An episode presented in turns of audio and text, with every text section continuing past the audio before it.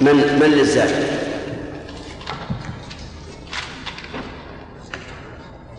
يلا يا بي عندك ما من العام اي أجل بيد رأيته قبلك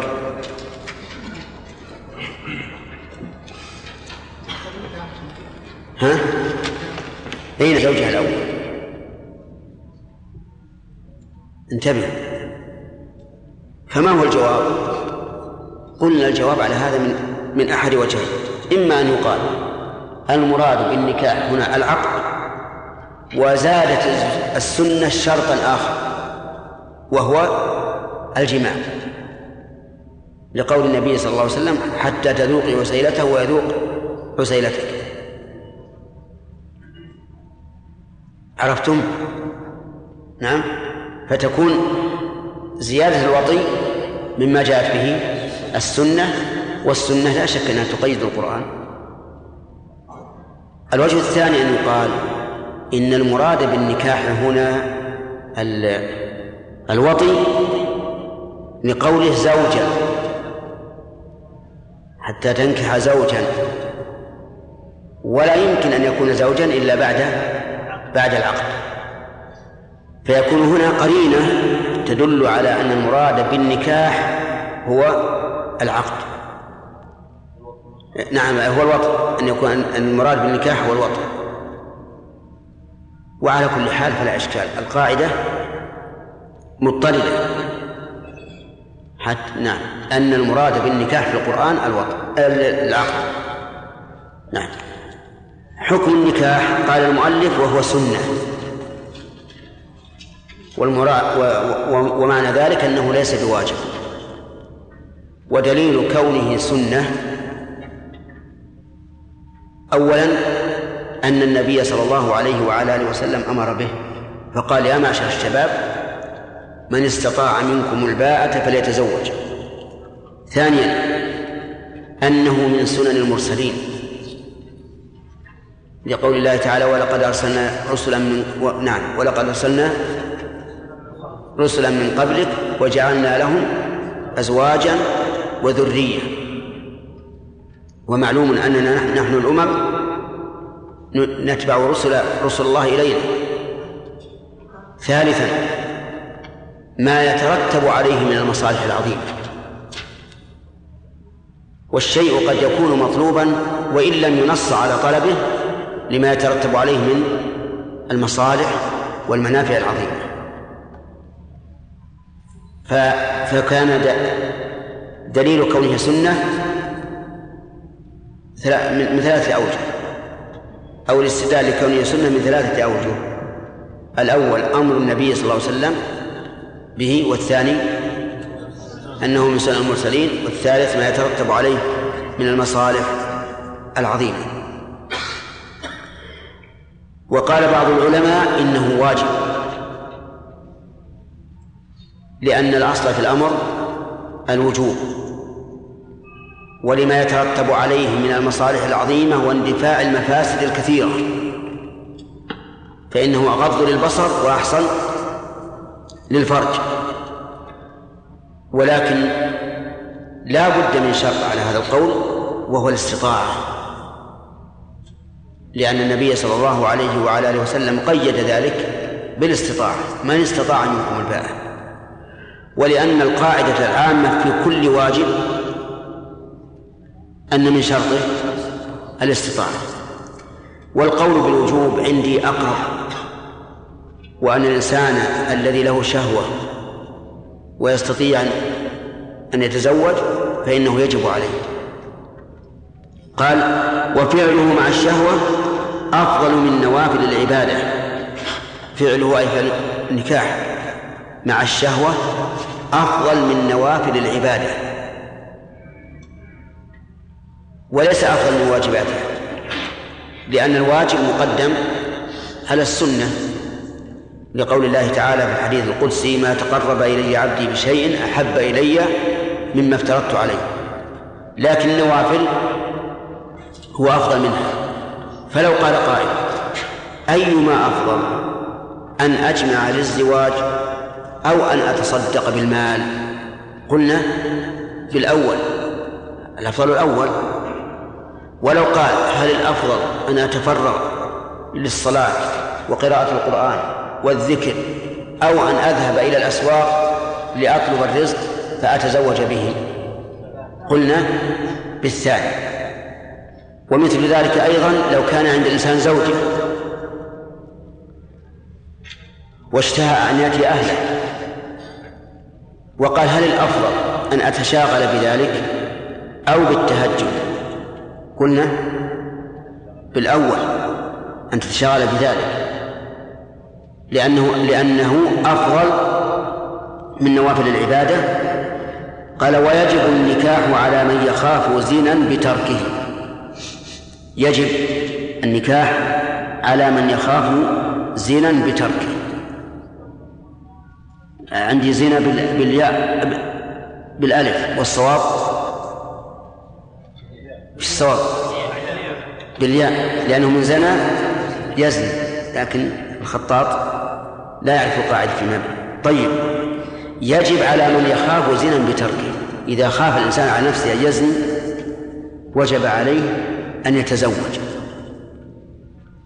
لأن درء المفاسد واجب. والزنا مفسدة عظيمة بل فاحشة كما قال الله عز وجل. ولكن إذا قال قائل كيف يتحقق الخوف من الزنا في بلد عفيف؟ رحمك الله في بلد عفيف نزيه الخوف من الزنا إنما يكون في بلد سائح. لا يراعي. عفة قد يكون بيوت الدعارة مملوءة مملوءة بها البلد أو أسواق الدعارة كذلك. هذا صحيح أنه يخاف الزنا. لكن إذا كان في بلد محافظة عفيفة كيف يخاف الزنا؟ نقول نعم يخاف الزنا لأن الإنسان إذا اشتهى الأمر فإنه يحاول بقدر المستطاع أن يصل إليه. وهو قد يكون البلد أو نعم وقد يكون البلد في ظاهره عفيفا لكن في الخفايا بلايا ولا سيما في وقت كعصرنا هذا. أسباب الشر متوفرة وسهولة الوصول إلى الشر متيسرة.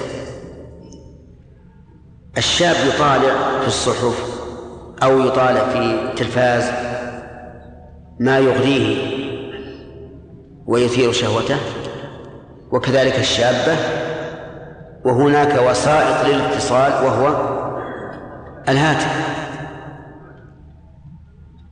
فالبلد في ظاهرها عفيف لكن في الخفاء قد يحصل البلاء. فهنا إذا خاف الإنسان على نفسه أن يقع في هذه الشبكة وجب عليه أن يتزوج. بشرط إيش؟ الاستطاعة. نعم.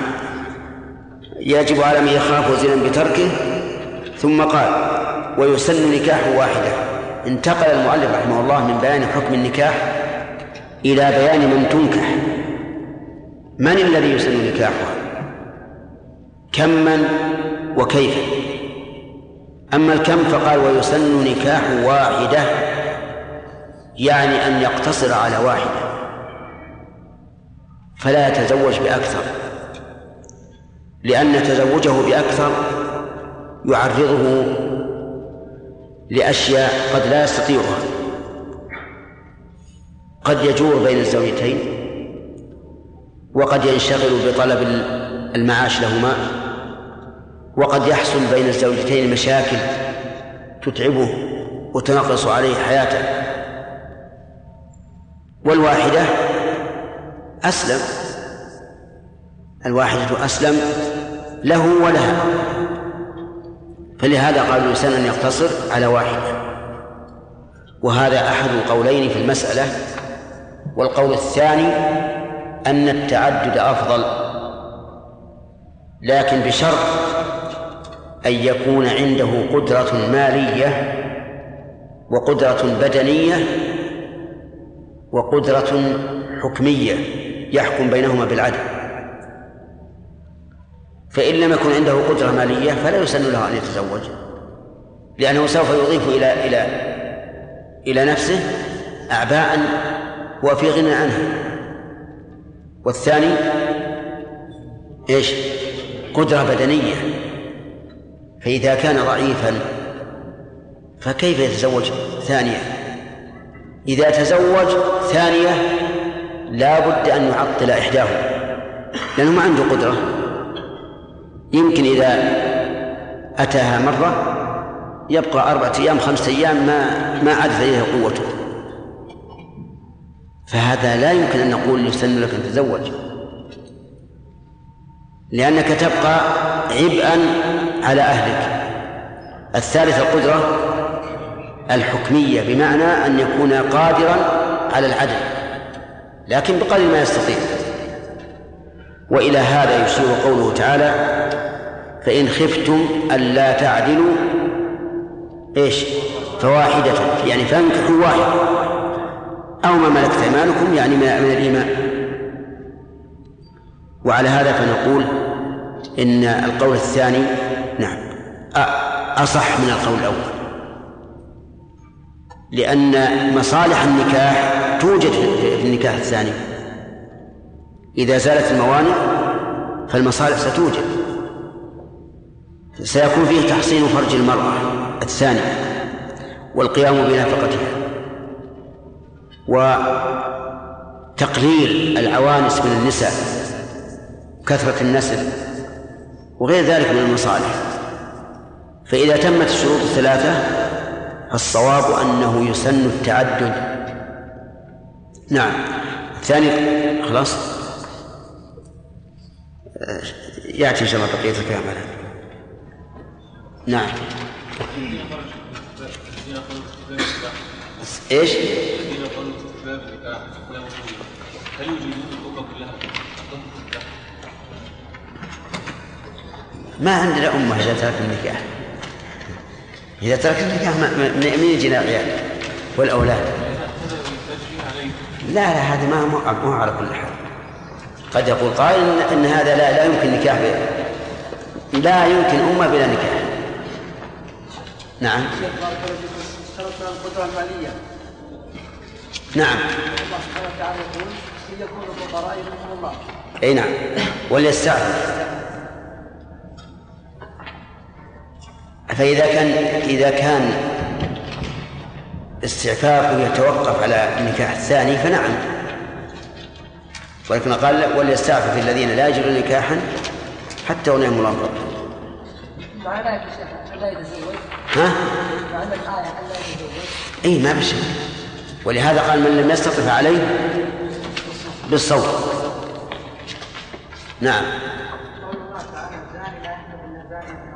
إيش؟ الزاني لا ينكح الا زانيه أو مشركه نعم هذا يعني ان الزاني اذا كان ان المراه اذا كانت عفيفه وتزوجت الزانيه يطلق عليها انها زانيه ان المراه اذا كانت عفيفه وتزوجت يعني ماذا تريد بإيراد الآية؟ يعني أشكل عليك أشكل عليك إيش؟ المراه عفيفه تزوجت الزاني هل يطلق عليها يعني أنت تريد أن أن أن تقول ينكح بمعنى يطأ. ها. المعنى. المعنى أن الله يقول الزاني لا ينكح إلا زانية أو مشركة. لأن الزاني يحرم أن يزوج بعفيفة. عرفت؟ فإذا كان حراما وتزوجته المرأة فإما أن تكون قانعة بالحكم الشرعي فحينئذ تكون زانية لأنها مكنت رجلا يحرم عليه نكاحها من أن يطأها فتكون إيش؟ زانية لأن العقد غير صحيح. يعني عقد الزاني على امرأة عفيفة غير صحيح. فإذا مكنته من نفسها نعم وهي تعلم أن النكاح أن العقد غير صحيح صارت إيش؟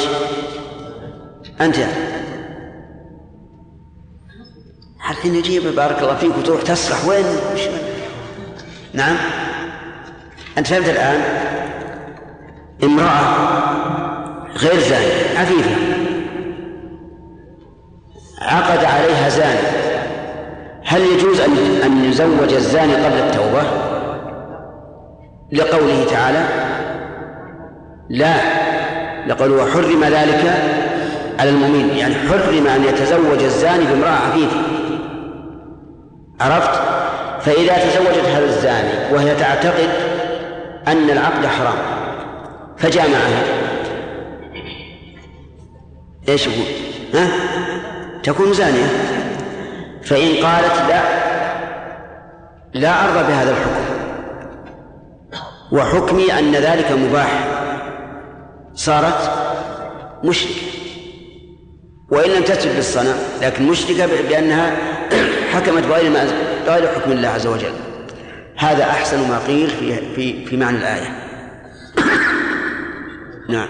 يكون للإنسان من العلوم ما لا يحصل لغيره بحيث لو أن الإنسان فكر لوجد أن هذا لا يمكن أن يقوم به بشر. فهذا ربما يكون من الكرامات. ولهذا ذكر لنا مشايخنا أن ما آتاه الله شيخ الإسلام بن تيمية من العلوم النقلية والعقلية يعتبر من الكرامات. لأنه خارج عن العادة. وقد ذكر ابن القيم رحمه الله لشيخه ابن تيمية في كتاب مدارج السالكين من الفراسة أشياء عجيبة حتى نحن لا, لا لم لم نبلغ أن نصدق بها لكنها عنده ثابتة. فإذا أوتي الإنسان من مثل هذه الأمور ما يخرج عن عادة عد من الكرامة. نعم. أي نعم الفراسة نعم لأنها فراسة المؤمن وش عندنا الآن؟ من من يقرأ؟ شرافي عندك الزاد؟ آه. عبيد تفضل بسم الله الرحمن الرحيم صلى الله وسلم على نبينا محمد وعلى آله وصحبه أجمعين قال المصنف رحمة الله تعالى ويسن نكاح واحدة دينة أجنبية بكر مولود بلا أم وله نظر ما يظهر غالبا مرارا بلا خلوة ويحرم التصريح بالخطبة المعتدة بالنكاح والمبانة دون التعريض ويباحان لمن أبانها دون الثلاث دون الثلاث رجعية. بس بسم الله الرحمن الرحيم الحمد لله رب العالمين. آه، سبق لنا أن النكاح يكون واجبا في بعض الأحيان. النكاح يكون واجبا إذا واجب إذا خشي على نفسه الوقوع في الزنا بشرط الاستطاعة. هذه ما ما أحتاج بشرط الاستطاعة لأن كل واجب لا بد من الاستطاعة. إذا يكون واجبا إذا خاف الزنا بتركه. كذا يكون واجبا إذا خاف الزنا بتركه طيب والأصل فيه إيش؟ عبد الله الديمومة لا هين الديمومة لا لا شك لكن الأصل أنه السنة ولا حرام؟ أي نعم. أي نعم. الأصل أنه سنة. تمام. ويجب إذا خاف الزنا بتركه. طيب. آه، ثم ذكر المؤلف من الذي يستحب نكاحها؟ فقال ويسن نكاح واحدة وسبق الكلام عليه وذكر الصواب في ذلك وأن الأفضل التعدد بشروط قال دينة. دينة أي ذات دين. لقول النبي صلى الله عليه وسلم تنكح المرأة لأربع لمالها وحسبها وجمالها ودينها. فاظفر بذات الدين تربت ذاك. قد يقول بعض الناس أتزوج امرأة غير دينة لعل الله أن يهديها على يدي. ونحن لا ونحن لم نكلف يعني ردا على قوله أن نقول له نحن لا نكلف بالمستقبل. المستقبل لا ندري عنه. فربما تتزوجها تريد أن يهديها الله على يدك ولكنها هي تحولك إلى ما هي عليه فتشقى على يديها. وكذلك بالعكس بعض الناس يخطب منهم الرجل ليس ذا دين لكن يقولون لعل الله يهديه. وأقبح من ذلك أن يعرف بعدم الصلاة فيقول لعل الله يهديه. فنقول نحن لا لا نكلف بالمستقبل. المستقبل عنده علمه عند الله. نحن نكلف بماذا؟ بما بين أيدينا بالواقع بالحاضر.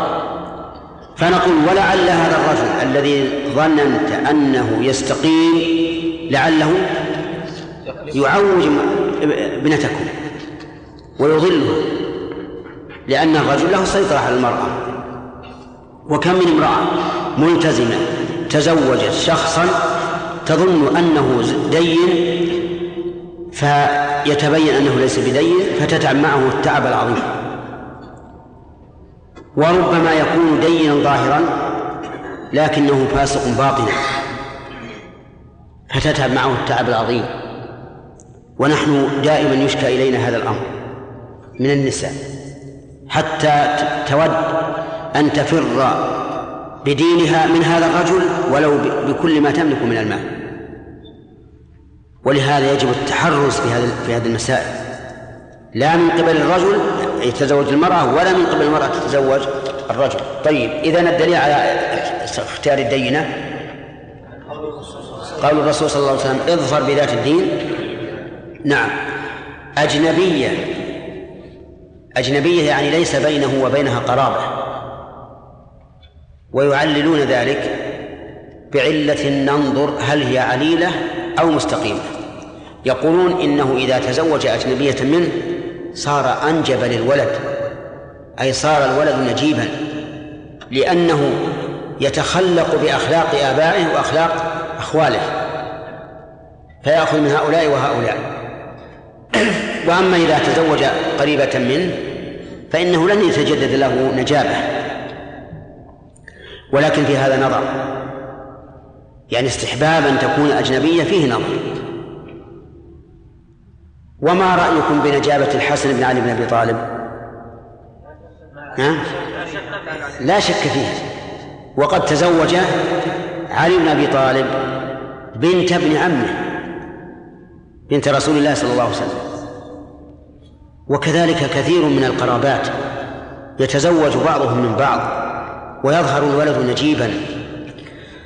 صحيح أن أن هناك علة قد تكون لها وجهة وهي أنه قد يحدث بين هذا الرجل وزوجه ما يحدث من المشاكل والمنازعات ويؤدي ذلك إلى قطيعة الرحم.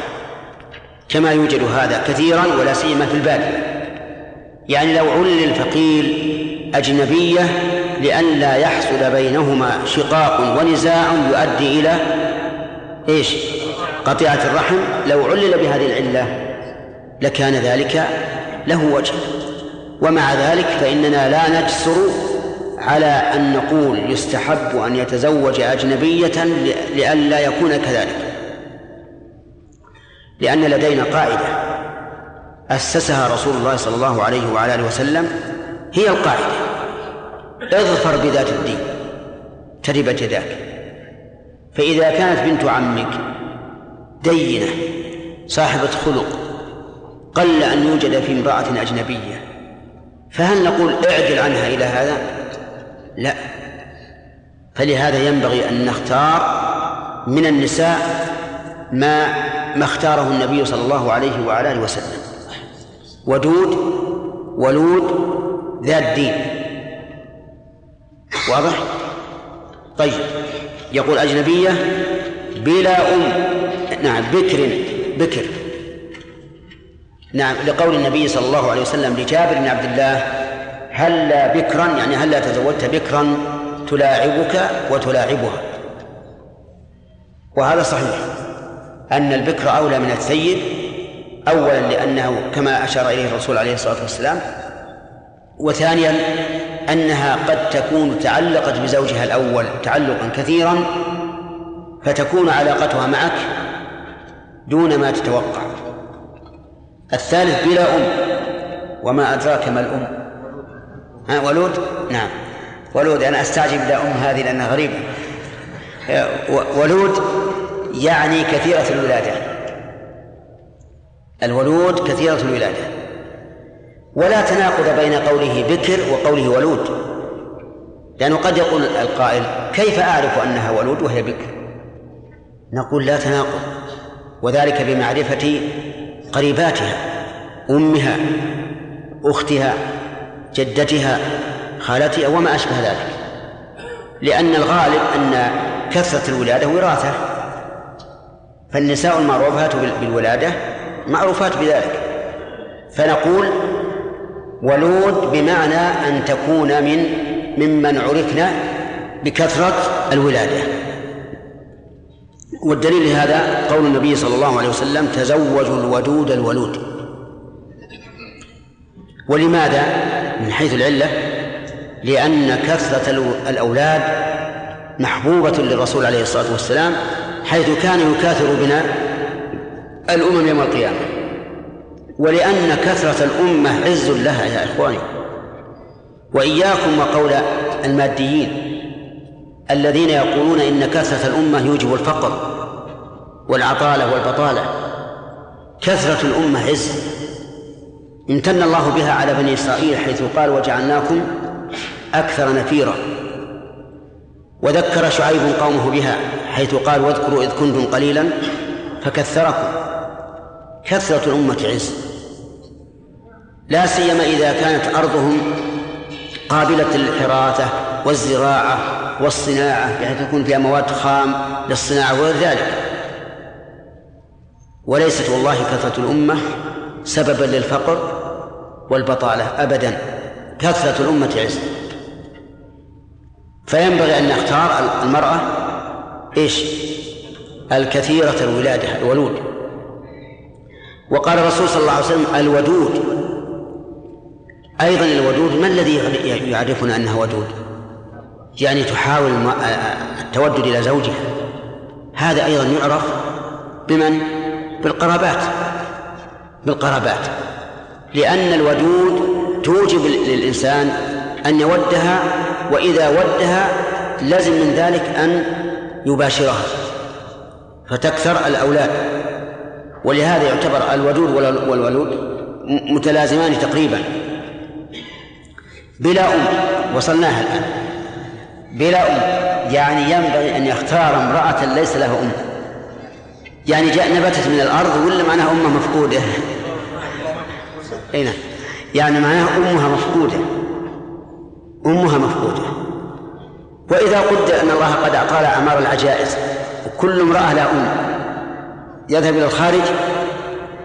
هذا الحقيقة فيها نظر فيها نظر كبير.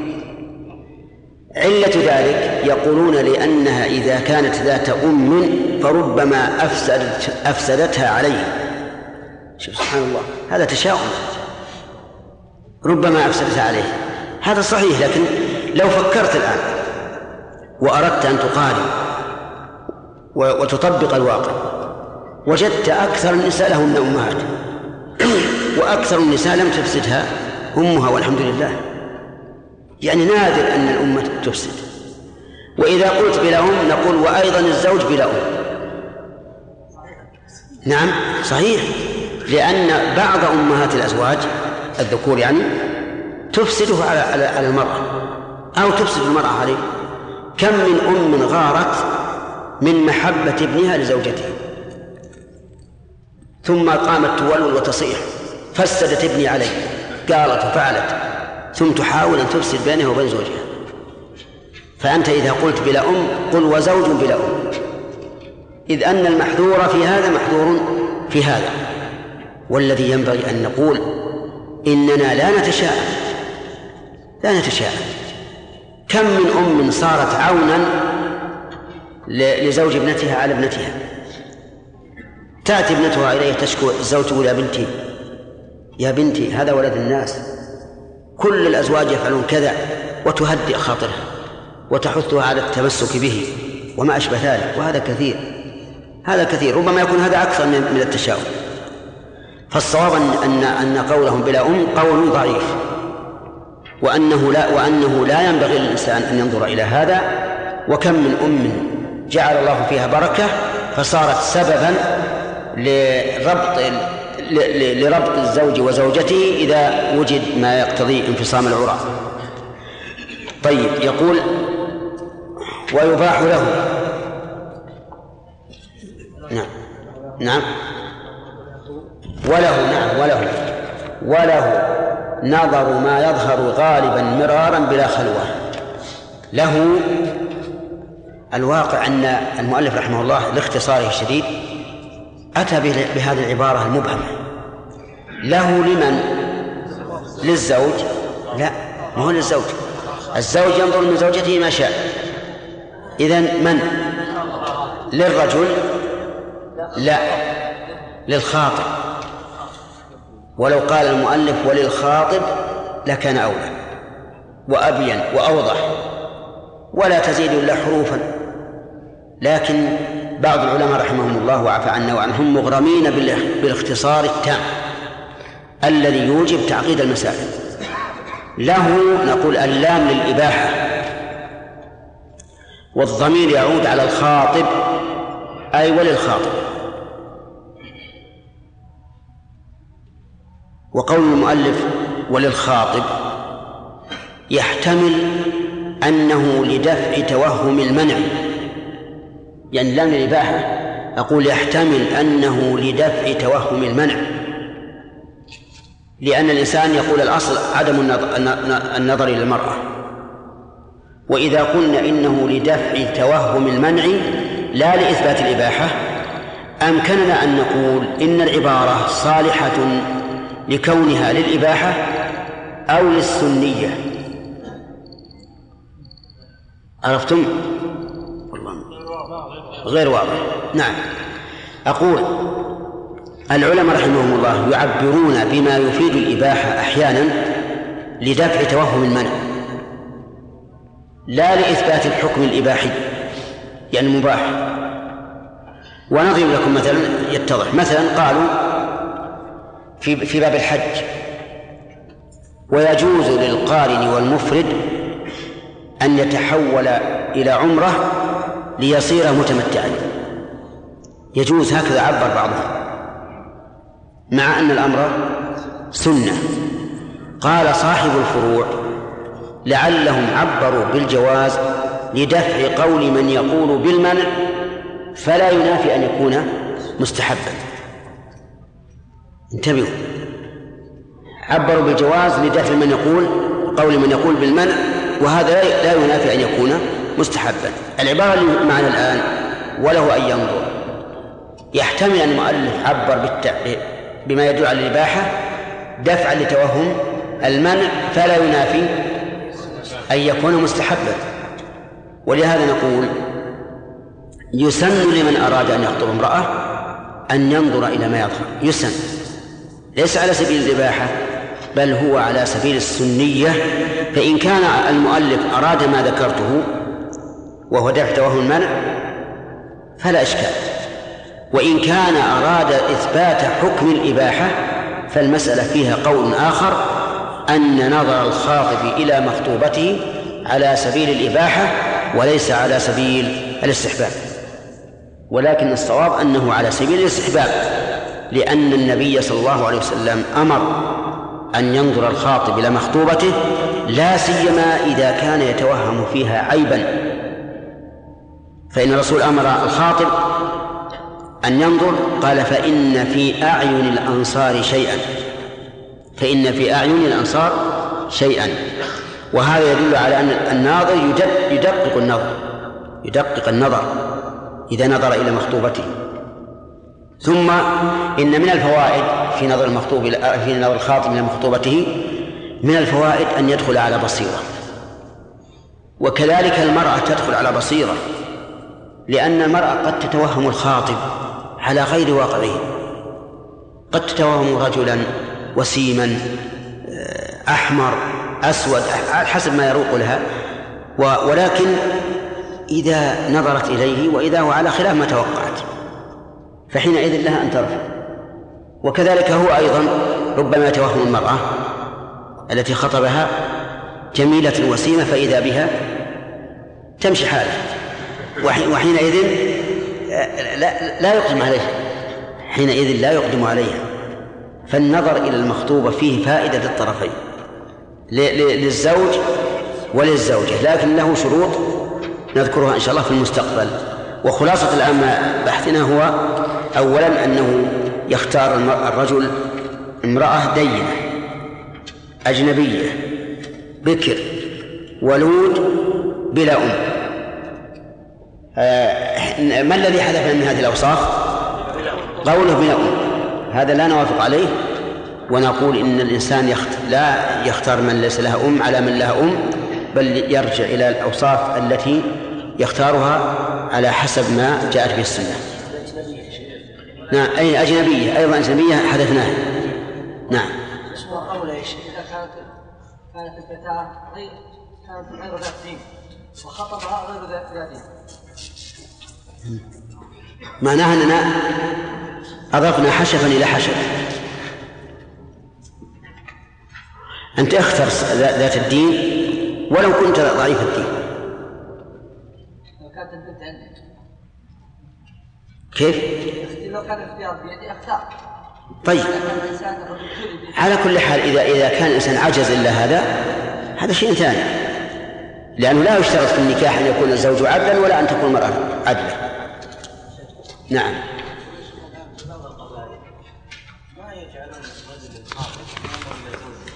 المخطوبة ويجعلون لها ويصورونها بصورة. ويصورونها بصورة. إما بالكاميرا. ويورون هذا الخاطب أي. أولا هذا لا يجوز. وثانيا أنه لا يحصل به المقصود. كم من إنسان رأيت صورته وإذا صورته كصورة القمر ليلة البدر؟ ثم إذا نظرت إلى وجهه الحقيقي وإذا هو خلاف ذلك. هذه المرأة ربما عند التصوير تتمكيج وتكتحل وتخلي نفسها من أبهى النساء ثم يغتر الزوج. ما يجوز هذا أبدا. ثم إن هذه هذه الصورة ربما تكون ألعوبة بيد الرجل يلعب بها يعرضها على كل واحد. فهي أولا لا يحصل بها المقصود وفيها محذور شرعي بعض الناس يقولون مسألة النظر قد يعني يقع في خاطر إيش؟ قد يقع في خاطر المخطوبة لو رفضتها يعني. أولا اعلموا أننا لم لم نكمل البحث في هذا فلذلك كل سؤال يرد على هذه المسألة الأخيرة لا لا يأتي لأن ما ما كملناه. نعم. الدين هو فعل الأوامر واجتناب النواهي. إذا عرف هذه المرأة مثلا أو هذا الرجل بأنه يفعل ما أمر الله ويترك ما نهى الله هذا هذا الدين. نعم.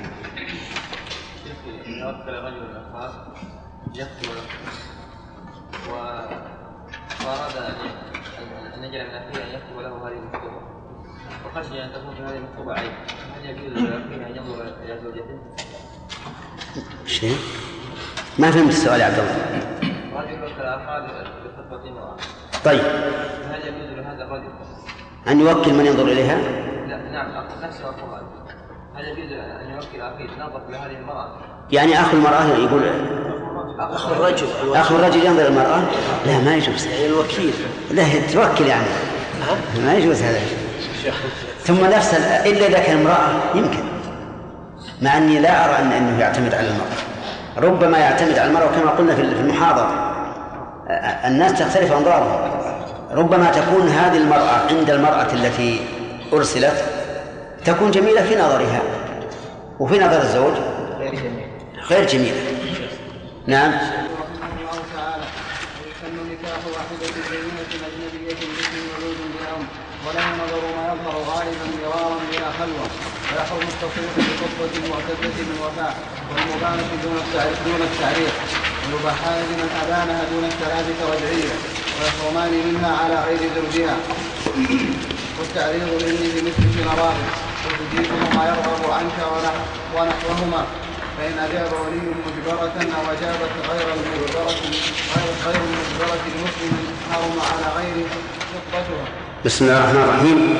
الحمد لله رب العالمين وصلى الله وسلم على نبينا محمد وعلى آله وأصحابه أجمعين. سبق لنا انه أن للخاطب أن ينظر من مخطوبته ما يظهر غالبا. يعني الذي يظهر في الغالب. وبينا أن الماكن يقول له فهل أراد الإباحة في مقابل التحريم فلا ينافي أن يكون مستحبا؟ أو أراد المباحة إثباتا لحكمها؟ هل أو أراد الإباحة إثباتا لحكمها؟ الأول. ذكرنا أن فيه احتمالين وأن في المسألة قولين. فمن العلماء من قال يسن للخاطب أن ينظر ومنهم من قال إنه يباح. علة أو دليل من قال إنه يباح قال لأن الأمر بعد الحظر والأمر بعد الحظر للإباحة. ودليل من قال إنه سنة أن الأصل في الأمر الطلب أن أن المأمور به مطلوب. هذه واحد. وأن النبي صلى الله عليه وسلم علل هذا الحكم بما يفيد الطلب فقال إنه أحرى أن يؤدم بينكما. أي أن يؤلف بينكما وهذا كقوله في زيارة القبور زوروا القبور فإنها تذكر الموت بعد أن نهى عن زيارة القبور. فهل نقول إن زيارة القبور مباحة لورود الأمر بعد النهي؟ أو نقول إنها سنة لأن هذا الأمر علل بما يقتضي السنية؟ نقول الثاني والأول الثاني. وعلى هذا فالقول الصحيح في هذه المسألة أي في نظر الخاطب إلى المخطوبة أنه سنة وأنه ينبغي للخاطب أن ينظر إلى مخطوبته لكن بشروط. أولا أن ينظر إلى ما يظهر غالبا مثل الوجه والرقبة واليد والقدم والرأس والشعر وما أشبه ذلك. ولا ينظر إلى ما, ما, ما وراء هذا. ثانيا الشرط الثاني أن لا يكون خلوة. لقوله فيما بعد بلا خلوة. فأما مع الخلوة فلا يحل لأن النبي صلى الله عليه وعلى آله وسلم قال لا يخلون رجل بامرأة. والنهي للتحريم. وما خلا رجل بامرأة إلا كان ثالثهما الشيطان. وهذا يدل على أنه أن تحريمه مؤكد. الشرط الثالث أن يغلب على ظنه الإجابة. يغلب على ظنه الإجابة أي إجابة خطبته. فإن كان. لا فإن كان يعلم أنه لن يجاب فلا فائدة من النظر. الأصل تحريم النظر. مثال ذلك أن يكون الخاطب رجلا فقيرا مغمورا يريد أن يخطب ابنة ملك. وش الغالب؟ الرفض ولا الإجابة؟ الرفض. نقول لا تنظر أنت. لأن نظرك الآن لا, لا مبرر له. إذ أن الغالب الرفض. الشرط الرابع أن لا يكون نظره لشهوة. فإن نظر لشهوة يعني قام يكرر النظر في هذه المخطوبة بلذة. صار هذا حراما. لأن المقصود بالنظر الاستعلام لا الاستمتاع الاستعلام يعني أن يعلم عن هذه المرأة جمالها وجسمها وما أشبه ذلك. لا الاستمتاع فإذا نظر نظرة استمتاع صار حراما عليه لأن المرأة لم تزل حراما عليه. ليس زوجة له. الشرط الخامس ويخاطب به المرأة ألا تظهر متبرجة أو متطيبة أو متمكيجة أو كاحلة أو ما أشبه ذلك من التجميل. لأنه ليس المقصود أن يرغب الإنسان في جماعها حتى يقال إنها تظهر متبرجة متجملة متمكيجة كاحلة هذه تفعله المرأة مع زوجها حتى تدعوه إلى الجماع. أما هذا فلا.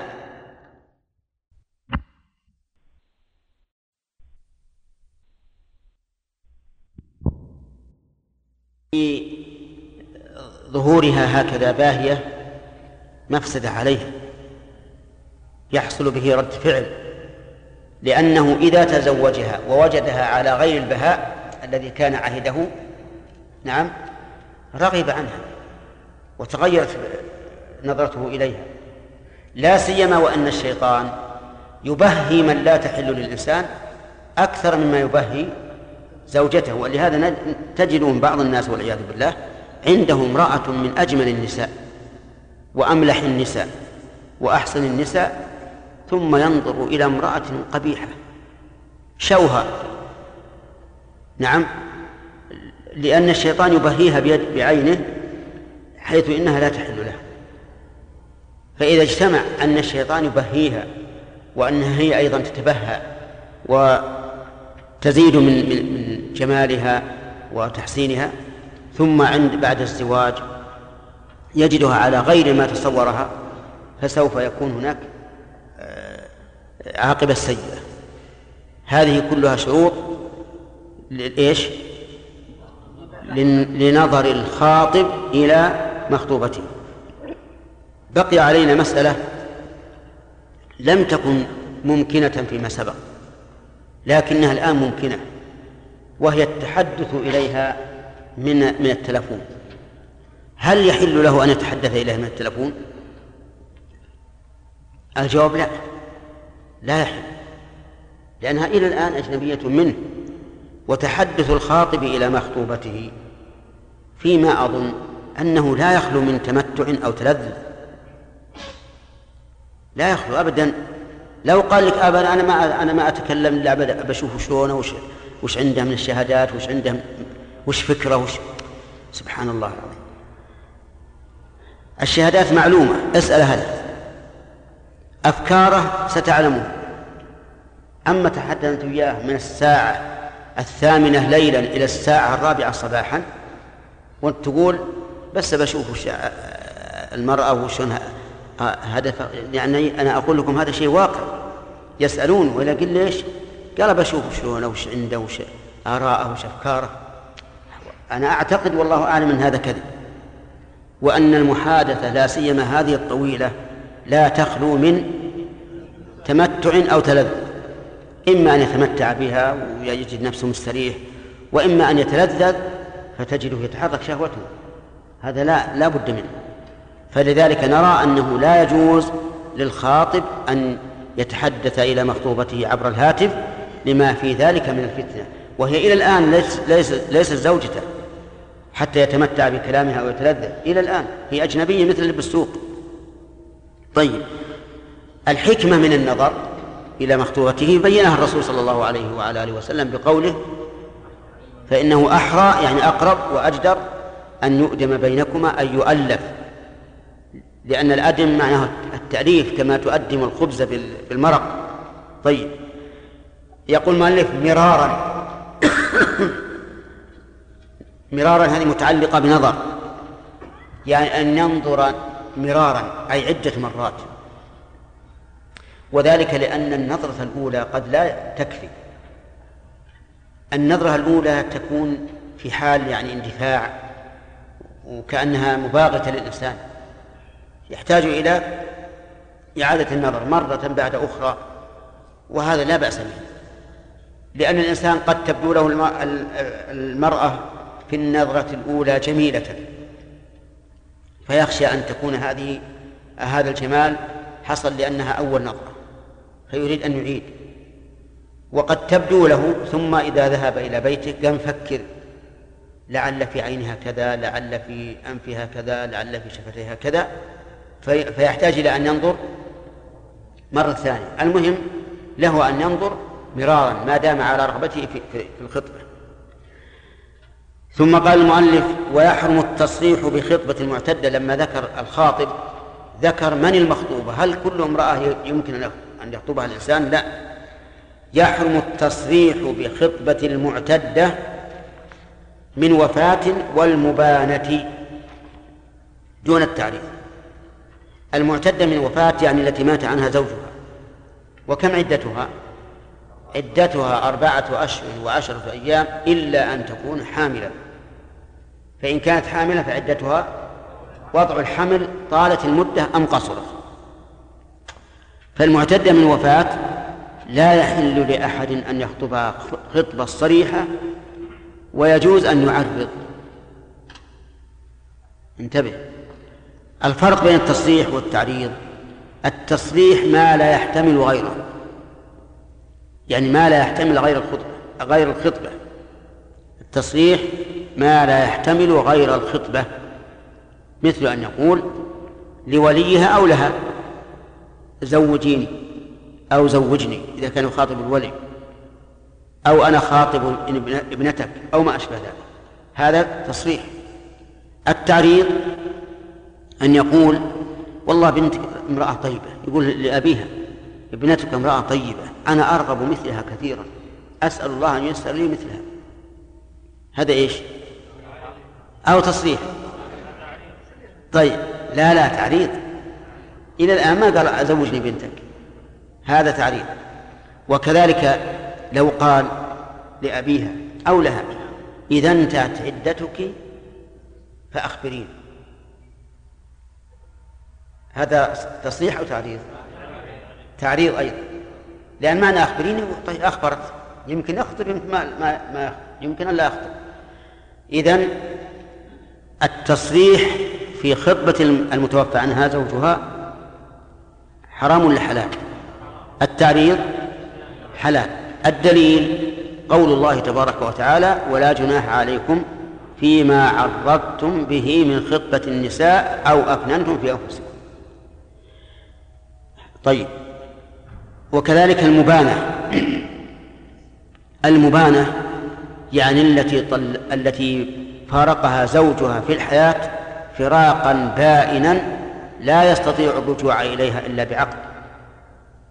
هذه المبانة التي فارقها زوجها في الحياة. إيش؟ فراقا بائنا لا يرجع إليها إلا بعقد. فيشمل أشياء. أولا المطلقة ثلاثا. بائن ولا غير بائن؟ بائن. فإذا كانت امرأة قد طلقها زوجها ثلاثا وهي الآن في العدة جاز أن تخطب تعريضا إيش؟ لا تصريحا ثانيا المطلقة على عوض. المطلقة على عوض. بائن ولا غير بائن؟ بائن. لا تحل لزوجها إلا بعقد. فإذا كانت امرأة معتدة من طلاق على عوض فإنه يجوز تجوز خطبتها كمل تعريضا لا تصريح. طيب. ثالثا المفسوخة المفسوخة لعيب في الزوج أو لفوات شرط اشترطته ولم يفي, به الزوج. هذه تكون أيضا مفارقة بائن. مفارقة بائن. مثال ذلك امرأة طلقها زوجها على عوض. يعني صار في مشاكل بين الزوجين وقال لا أطلقها إلا إذا أعطيتموني ألف ريال. أعطوه ألف ريال. فارقته الآن. هي مبانة ولا غير مبانة؟ مبانة. لأنه لا يمكن أن ترجع للزوج إلا بعقد. هذه يجوز أن تخطب آه تعريضا لا تصريحا. و و والدليل الدليل قياسها على المبانة بالوفاة. لأن الزوج الآن لا يمكن الرجوع إليها. فلم يكن في ذلك عدوان على الزوج. ويقول والمبانة دون التعريض. والمبانة دون التعريض يعني التعريض لا بأس به والتصريح حرام. ثم قال ويباحان لمن أبانها بدون الثلاث كرجعية. طيب يباحان نائب الفاعل يعود على من؟ على التصريح والتعريض. لمن؟ أي لرجل أبانها أي أبان المعتدة دون الثلاث. ذكرنا عدة أمثلة من المبانات منها المطلقة على عوض. المطلقة على عوض بائن من زوجها.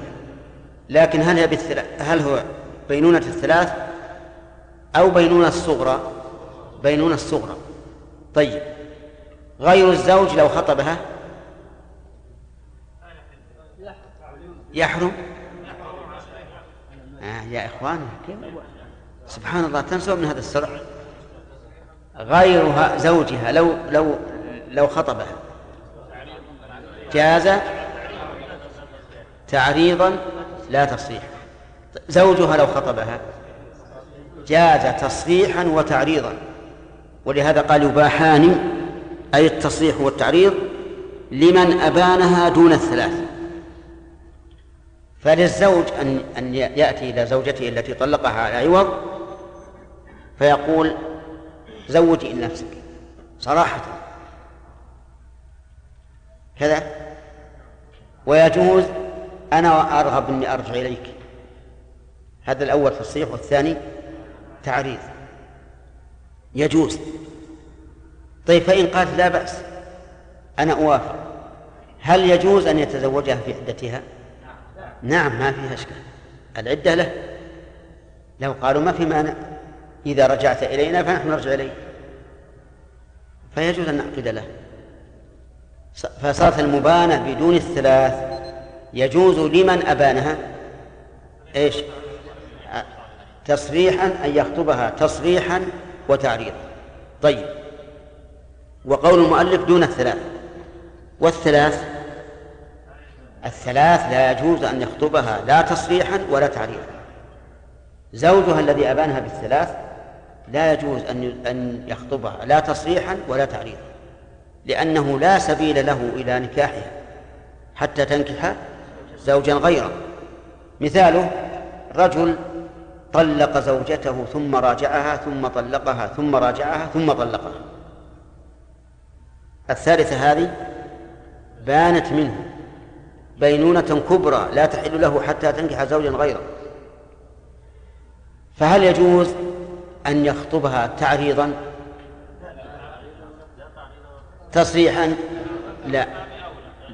لماذا طيب لماذا؟ لأنها محرمة عليه.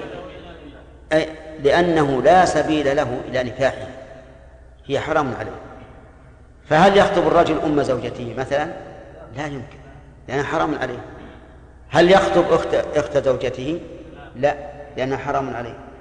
فما دام النكاح حرام عليه فإنه لا يجوز أن يخطبها لا تصريحا ولا تعريضا.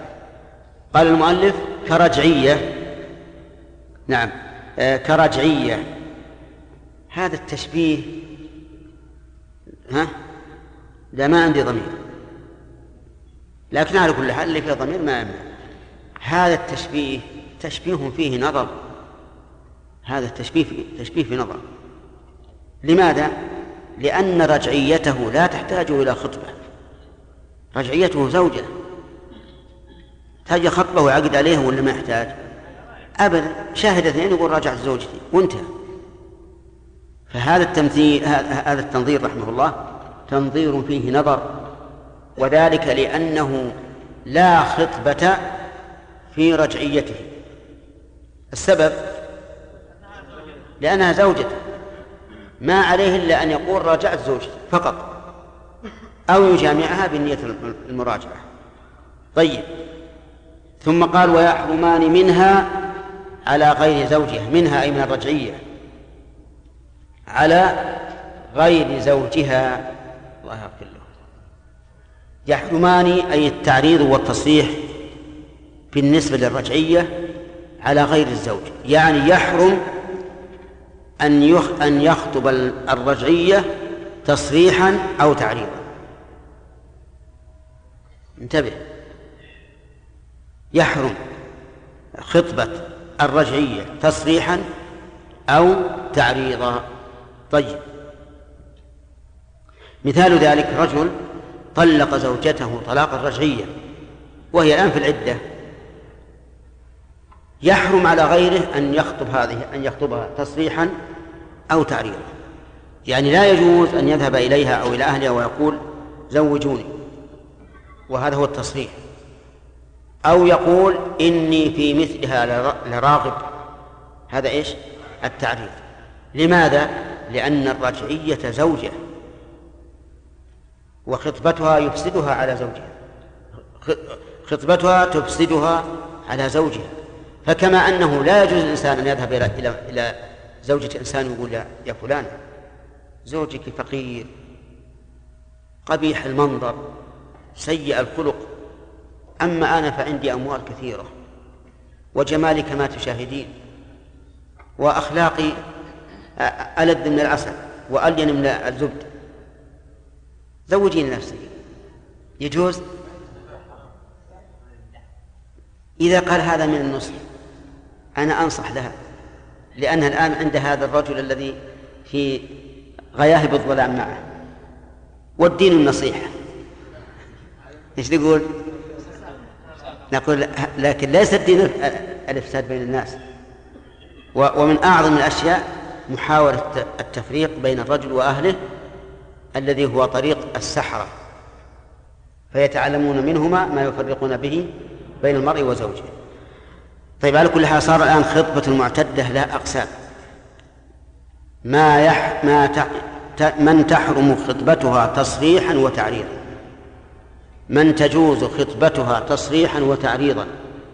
من تحرم خطبتها تصريحا لا تعريضا؟ القسم الرابع من تحرم خطبتها تعريضا لا تصريحا.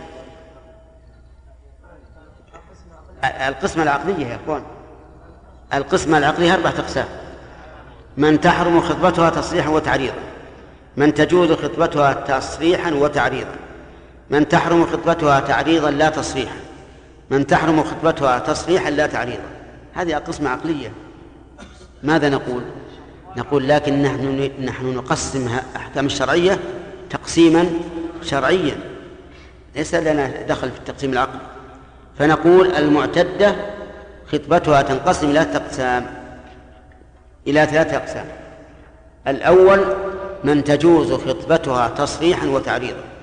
والثانية من لا تجوز خطبتها لا تصريحا ولا تعريضا. والثالثة من تجوز خطبتها تعريضا لا تصريحا. طيب. من تجوز خطبتها تصريحا وتعريضا هي المعتد هي من كانت في عدة بائن إذا كان الخاطب مبينها. مبينها. صح؟ ما نقول زوجها يا خالد إيش بلاك أنت؟ هو بانت منها الآن. إيه باعتبار ما سبق.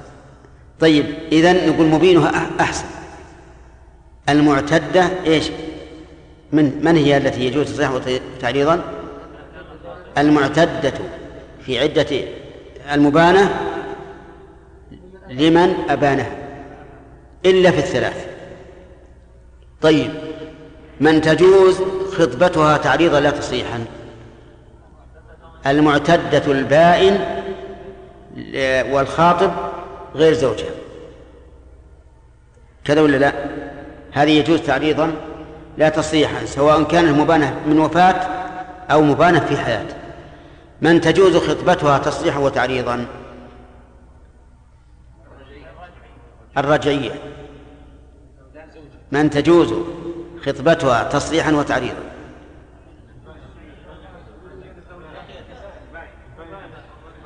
إلى الآن متلخبطين. البائن من بغير الثلاث من زوجها. هي اللي قلناها الآن. طيب من تحرم تصريحا وتعريضا؟ الرجعية. الرجعية والمبانة بثلاث من زوجها. لا المبانة بثلاث من زوجها.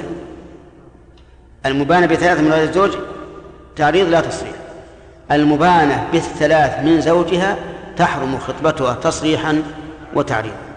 إذن التي تحرم تصريحا وتعريضا الرجعية والثاني المبانة بالثلاث من زوجها. لماذا وهو زوجها؟ نعم لأنه لا سبيل له إلى نكاحها حيث أنها تحرم عليه حتى تنكح زوجا غيره. اضبط التقسيم ترى التقاسيم تحصل لك من المسائل العلمية. فهذه أحكام خطبة المعتدة. نعم. نعم. عبيد الله.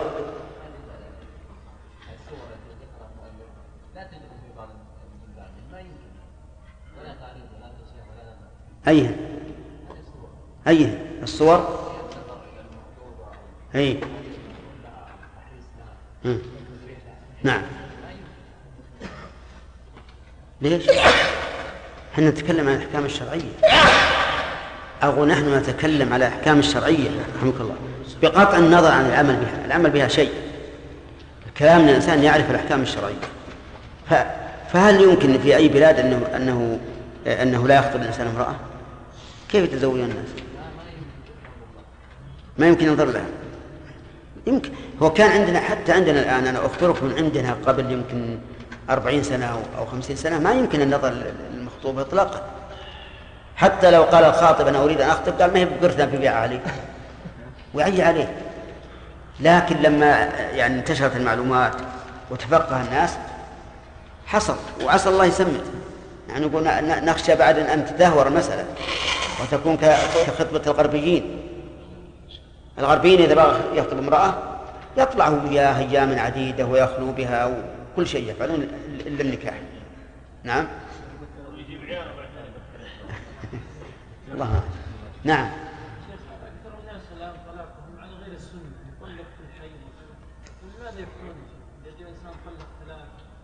والله نحن نفتي أنها ما دامت في العدة فالطلاق البدعي لا يقع. على الإطلاق على الإطلاق طيب إذا فعل معصية نمكنه من تنفيذ هذه المعصية؟ الله قال طلقوهن لعدتهن فإذا طلق في حيض أو طهر جامع فيه فقد طلقها لغير العدة فيكون داخلا في قول الرسول صلى الله عليه وسلم من عمل عملا ليس عليه أمرنا فهو رد. لكننا لا نفتي بفساد الطلاق في رجل ضاقت عليه الحيل ثم جاء يقول. جاء إنسان يستفتي قال أنا والله طلق زوجتي هذه الثالثة. أو قد طلقتها ثلاث مرات. لكن سأخبرك عن قضيتي. تفضل. قال أول مرة قبل عشرين سنة طلقتها وهي حائض. ثم قبل عشر سنين طلقتها في طهن جامعتها فيه ثم طلقتها قبل سنة وأنا غضبان غضبا شديدا أفتوني. نحن نفتيه لو كانت المسألة طبيعية بأنه لا طلاق عليه. لأن الأول في حيض والثاني ظهر جمع فيه. والثالث غضب شديد. هو يريد منا هذا. يريد أن أن نفتي له بأن هذه المرأة التي أصبحت بائنا منه أنها زوجته ولا طلق عليه. هذا لا يمكن نفتيه بهذه الفتوى أبدا. لأن طلاقه في الحيض قبل عشرين سنة. كان طلاقا التزم فيه. التزم. التزاما كاملا. ولو انقضت عدتها في ذاك نعم ولو أنها تزوجت بعد انقضاء عدتها في ذاك, في ذاك الوقت. هل ينكر أو لا؟ ابدا لا ينكر. وكذلك الطلقة الثانية وكذلك الثالثة. أما لما ضاقت به الحيل جاء لمنا يقول أنا والله الطلاق الأول بدعي والثاني بدعي والثالث بغير بغير شعور. ومثل هذا ما ذكره الشيخ عبد الله بابطير رحمه الله يقول إن أنهم إذا طلقوا ثلاثا جاء الزوج يقول والله أنا طلقت ثلاث لكن أحد الزواجات ليس إن الشاهد الحاضر الشاهد الثاني يشرب الدخان. ليش؟ علشان إيش؟ علشان يصير غير عدل. وإذا كان غير عدل صار النكاح بشهادة واحد ولا يصح. إذا لم يصح النكاح لا يصح الطلاق. وعاد ما مثل بشرب الدخان لكن من عندي هذا. إنما قال إن بعضهم إذا طلق الثلاث وضاقت عليه الحيل جاء يفكر في العقد. يلتمس لعله يصير عقد فاسد علشان ما بني على الفاسد فهو فاسد. انتهى الوقت. انتهى. ها؟ أنا عندي خطابات يعني أهون من بعض الوجوه. أهون. لأنه لا يسمع صوتها ولا يتلذذ به. اللهم إلا أن يتبادلا الصور. هذا لا شك أنه أنه ليس بصحيح. ويحرم ويحرم بخطبة. لأن خطبة بالضم القول. وخطبة طلب الزواج. فيحرم التصريح بخطبة المعتد والوفاة والمبانة في دون التعريف ويباحان لمن دون التعريف الأبدية ويحرمان منها على غير زوجها والتعريض به بمثلك الأراضي وتجيبه ما يرغب عنك ونح- ونحوهما فإن أجاب ولي مجبرة أو أجابت غير مجبرة لمسلم حرم على غيره خطبتها وإن رد أو أذن أو أو جهل الحال جاز ويسن العقد يوم الجمعة مساء بخطبة ابن مسعود. فصل. بس بسم الله الرحمن الرحيم. الحمد لله رب العالمين وصلى الله وسلم على نبينا محمد وعلى آله وأصحابه أجمعين. متى يحرم التصريح والتعريض والتعريض في الخطبة؟ رجعية من غير زوجها.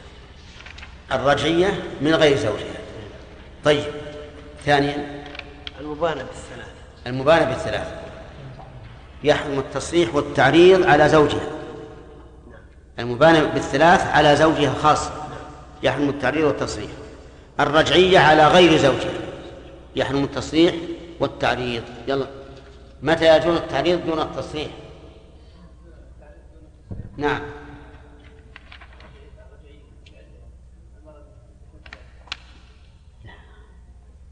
أخوك وزميلك يقول يحرم التعريض والتصريح على غير الزوج. أنا أصلا أقول متى يجوز التعريض دون التصريح؟ ممن من الزوج؟ من غير الزوج؟ سبحان الله. تأكد.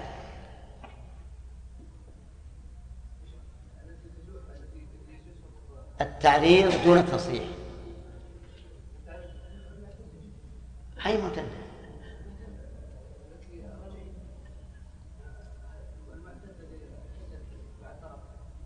أي طلاق؟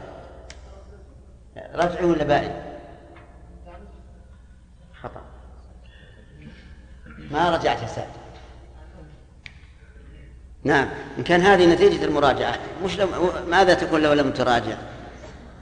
الأخ اللي على باب متكئ إيش- هو يفهم عربية؟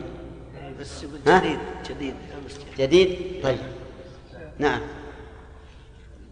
متى يحرم التصريح دون التعريض دون التعريض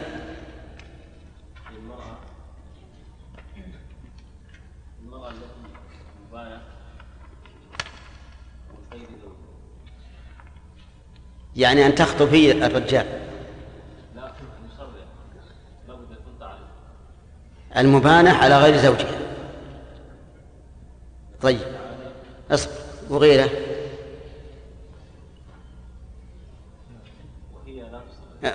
طيب ما يخالف. قل لي المبانة سواء بكذا أو بكذا علشان نعرف أنك أردت العموم. ثلاث إيه. وبغير الثلاث. بغير ثلاث هذه. مبانة بغير الثلاث. مثل على عوض. ما هو على عوض تكون بائنا أيضا يحرم من غير زوجها طيب وغيره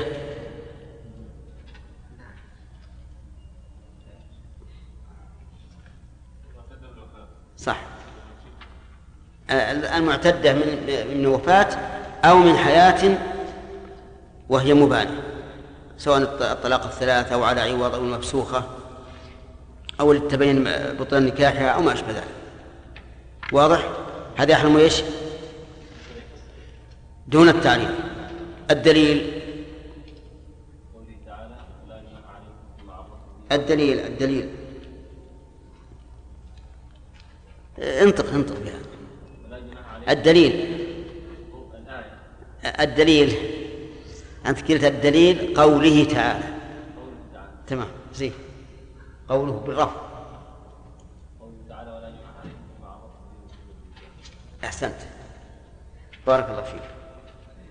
ومتى يجوز التعريض والتصريح؟ يجوز التعريف والتصريح بزوجها آه، وقت إيش؟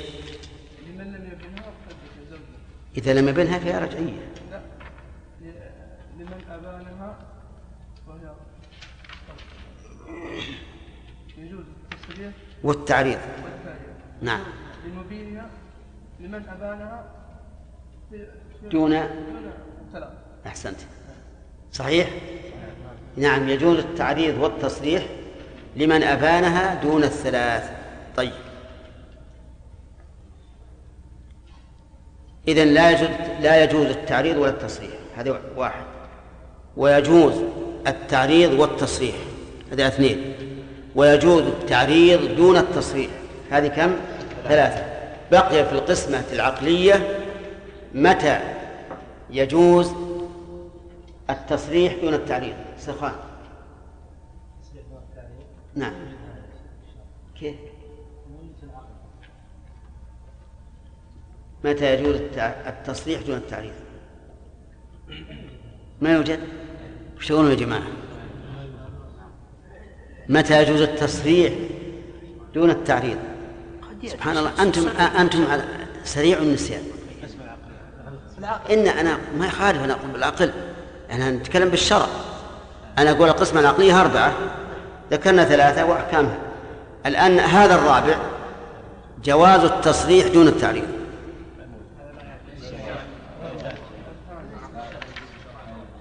شرح ولا متن ما عليه منكم؟ الكلام على هل تجيبون على هذا ولا ما تجيبون؟ لا يجوز في الشريعة. لا يقع ها؟ لا يمكن أن يوجد أن أن نقول يجوز أن أن, نقول يجوز التصريح دون التعريض لماذا؟ لأنه إذا جاز التصريح فالتعريض من باب أولى تمام. بارك الله فيكم نبدأ الآن الدرس الجديد يقول رحمه الله والتعريض التعريض أن يقول إني في مثلك لراغب وتجيبه ما يرغب عنك. ونحوه ونحوهما هذا يشبه أن يكون تصريحا. رجل قال لامرأة معتدة أنا أرغب مثلك قالت أنت ما يرغب عنك يعني أننا نرغبك. ومع ذلك لا يعدون هذا تصريحا. لأنه قد يكون هذا خبر مجرد خبر فقط. مثل أن يقول مثلك لا, لا, يرغب لا, لا يرغب عنه. وتقول مثلك أيضا لا يرغب عنه. هذا صحيح صحيح أنه يدل على رغبته فيها وعلى رغبتها فيه لكن ليس بصريح أنه خطبة. وكذلك لو قال إذا فرغت العدة فأخبريني. هذا أيضا إيش؟ تعريض لأن ما فيه تصريح أنه طلبه ثم قال المؤلف فإن أجاب ولي مجبرة أو أجابت غير المجبرة لمسلم حرم على غيره خطبتها.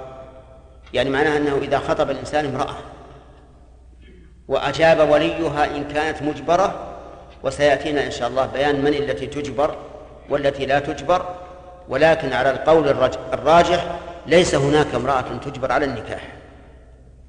وعلى هذا فالجملة الأولى ولي مجبرة غير واردة على القول الراجح لأنه ما في أحد يجبر. أو أجابت غير المجبرة لمسلم حرم على غيره خطبتها لا تصريحا ولا تعريضا مثال ذلك رجل خطب امرأة فأجابت المرأة وأجاب أهلها ورضوا الرجل. يحرم على على غيره أن يخطبها منه. ودليل ذلك قول النبي صلى الله عليه وسلم لا يخطب الرجل على خطبة أخيه حتى ينكح أو يترك. نعم. لا يحل أن يخطب على خطبة أخيه لأن ذلك عدوان على حق الغير ولأن هذا يورث العداوة والبغضاء ولأنه ربما يصل إلى حد القتل بين أهل الجهل. فلذلك حرمه النبي عليه الصلاة والسلام. لكن المؤلف يقول لمسلم فإن أجابت لغير مسلم فهل يحرم خطبتها أو لا؟ ظاهر كلام المؤلف لا يحرم إذا خطب المرأة رجل غير مسلم فأجابت فظاهر كلام المؤلف أنه لا بأس أن تخطب على خطبته. بقوله تعالى ولعبد مؤمن خير من مشرك ولو أعجبكم. ولقول النبي صلى الله عليه وسلم لا يخطب رجل على خطبة أخيه والمسلم وغير المسلم ليس أخا لك. فإذا قال قائل كيف يخطب إنسان غير مسلم؟ هل هل المسلمة تحل للكافر؟ لا لكن نقول نصرانية. امرأة نصرانية خطبها رجل نصراني فأجابت. فلا يحل للمسلم أن نعم فيجوز للمسلم على كلام المؤلف أن يخطب على خطبة هذا النصراني. لأن ذلك خير للمرأة النصرانية من لأن المسلم خير للنصرانية من النصراني. وللحديث على خطبة أخيه. عرفتم الآن؟ والصحيح أنه لا يحل للمسلم أن يخطب على خطبة النصراني. لأن هذا من الحقوق. التي يجب على المسلم أن يراعيها ولأنه لو خطب على خطبته لأدى ذلك إلى أن يقوم هذا النصراني بقتله مثلا أو بإيذائه أو بإفساد الزوجة عليه ولأن هذا إساءة إلى الإسلام حيث يعتقد النصارى أن المسلمين أهل عدوان على حقوق الناس. فإن قال قائل ما الجواب عن الآية وعن الحديث؟ قلنا إن الله يقول لعبد مؤمن خير من مشرك يخاطب أهل الزوجة أن لا يزوجوا المشرك مع وجود المؤمن لكنه لا يبوح للمؤمن أن يخطب على خطبة المشرك. هذا إذا قلنا إن النصارى يدخلون هنا باسم المشرك. ثانيا الحديث نجيب عنه بأن هذا مبني على الأغلب لأن الغالب في المسلمين أن يكون الخاطب إيش؟ مسلما فهذا بناء على على الغالب وما كان بناء على الغالب فإنه لا مفهوم له كما هي القاعدة في المنطوق والمفهوم ما كان قيدا بسبب الغالب فإنه إيش؟ لا مفهوم له. ولهذا لم يجعل الله تعالى لقوله وربائبكم اللاتي في حجوركم من نسائكم اللاتي دخلتم بهن لم يجعل الله لهذا القيد اللاتي في حجوركم لم يجعل له مفهوما. فتحرم الربيبة سواء كانت في حجر زوج أمها أم لم تكن. والدليل أن الله لم يجعله مفهوما أنه قال ربائبكم اللاتي في حجوركم من نسائكم اللاتي دخلتم بهن فإن لم تكونوا دخلتم بهن فلا جناح عليكم ولم يقل وإن لم تكن الربائب في حجوركم فلا جناح عليكم لأن القيد هذا بناء على إيه؟ على الغالب والقيد الذي يبنى على الغالب لا مفهوم له وعلى هذا في الصحيح أنه لا يجوز أن يخطب على خطبة المسلم ولا على خطبة الكافر إذا كان له عهد وذمة يقول فإن رد أو أذن أو جهلت الحال. جاز. انتبه. إن رد من؟ الثاني أو الأول؟ الأول. يعني علمت أن فلانا خطب من آل فلان لكن ردوا هل أنا أخطب؟ أو أذن بأن علمت أن فلانا خطب من آل فلان فذهبت إليه وقلت يا فلان سمعت أنك خطبت البنت الفلانية وأنا أحب أن أتزوج بها. فقال لا بأس أنا آذن لك. فلا بأس أن يخطب. لكن إذا علمنا أنه أذن حياء وخجلا لا اختيارا فما الحكم؟ لا يجوز لأن هذا الإذن كعدمه أو علمت أنه أذن خوفا لأن الذي استأذنه رجل شرير. لو لم يأذن له لآذاه. فهل يجوز الإقدام؟ لا. لكن إذا أذن اختيارا وبرضا وطواعية فإنه يجوز للثاني أن يخطب. لأن لأن الحق للخاطب فإذا أسقطه فهو حقه. قال أو رد آه نعم أو جهلت الحال. هل معنى جهل هل هي مخطوبة أو لا؟ أو جهل هل رد أو لا؟ المراد الثاني. المراد الثاني في كلام المؤلف. يعني علم أن فلانا خطب من آل فلان ولا يدري هل قبلوه أم ردوه. فإنه يجوز أن يخطب. لأن الأصل عدم الإجابة. الأصل عدم الإجابة. فلي أن أخطب. أنتم فاهمين ولا لا؟ طيب. إذا يجوز تجوز الخط الخطب الخطبة. تجوز الخطبة على خطبة أخيه في ثلاثة في ثلاثة مواضع. الموضع الأول إذا رد. الثاني إذا أذن. الخاطب الأول. الثالث إذا جهلنا. هل ردوه أم قبلوه؟ والصواب والصواب في المسألة الثالثة أنه لا يجوز. أنه لا يجوز أن أن يخطب. طيب فإن قال أو فإن قيل الأصل عدم الإجابة. قلنا ليس لا لي ليس التحريم من أجل هذا التحريم من أجل الخطبة على خطبة أخيك وقد حصلت. وربما يكون أهل الزوجة ربما يكون أهل الزوجة قد مالوا إلى الخاطب ويريدون أن يزوجوه فإذا خطبت أنت أعرضوا عنه. ولولا خطبتك لزوجوه. هذا عدوان. فالصواب أنه إذا جهلنا هل قبلوا أم ردوا أننا أنه لا يجوز لا تجوز الخطبة. طيب. يقول ويسن العقد مساء يوم الجمعة بخطبة ابن مسعود. وش بالعكس؟ سن العقد يوم الجمعة مساء إيه وش اللي قلت؟ وش قلت؟ يعني تقديم وتأخير يعني.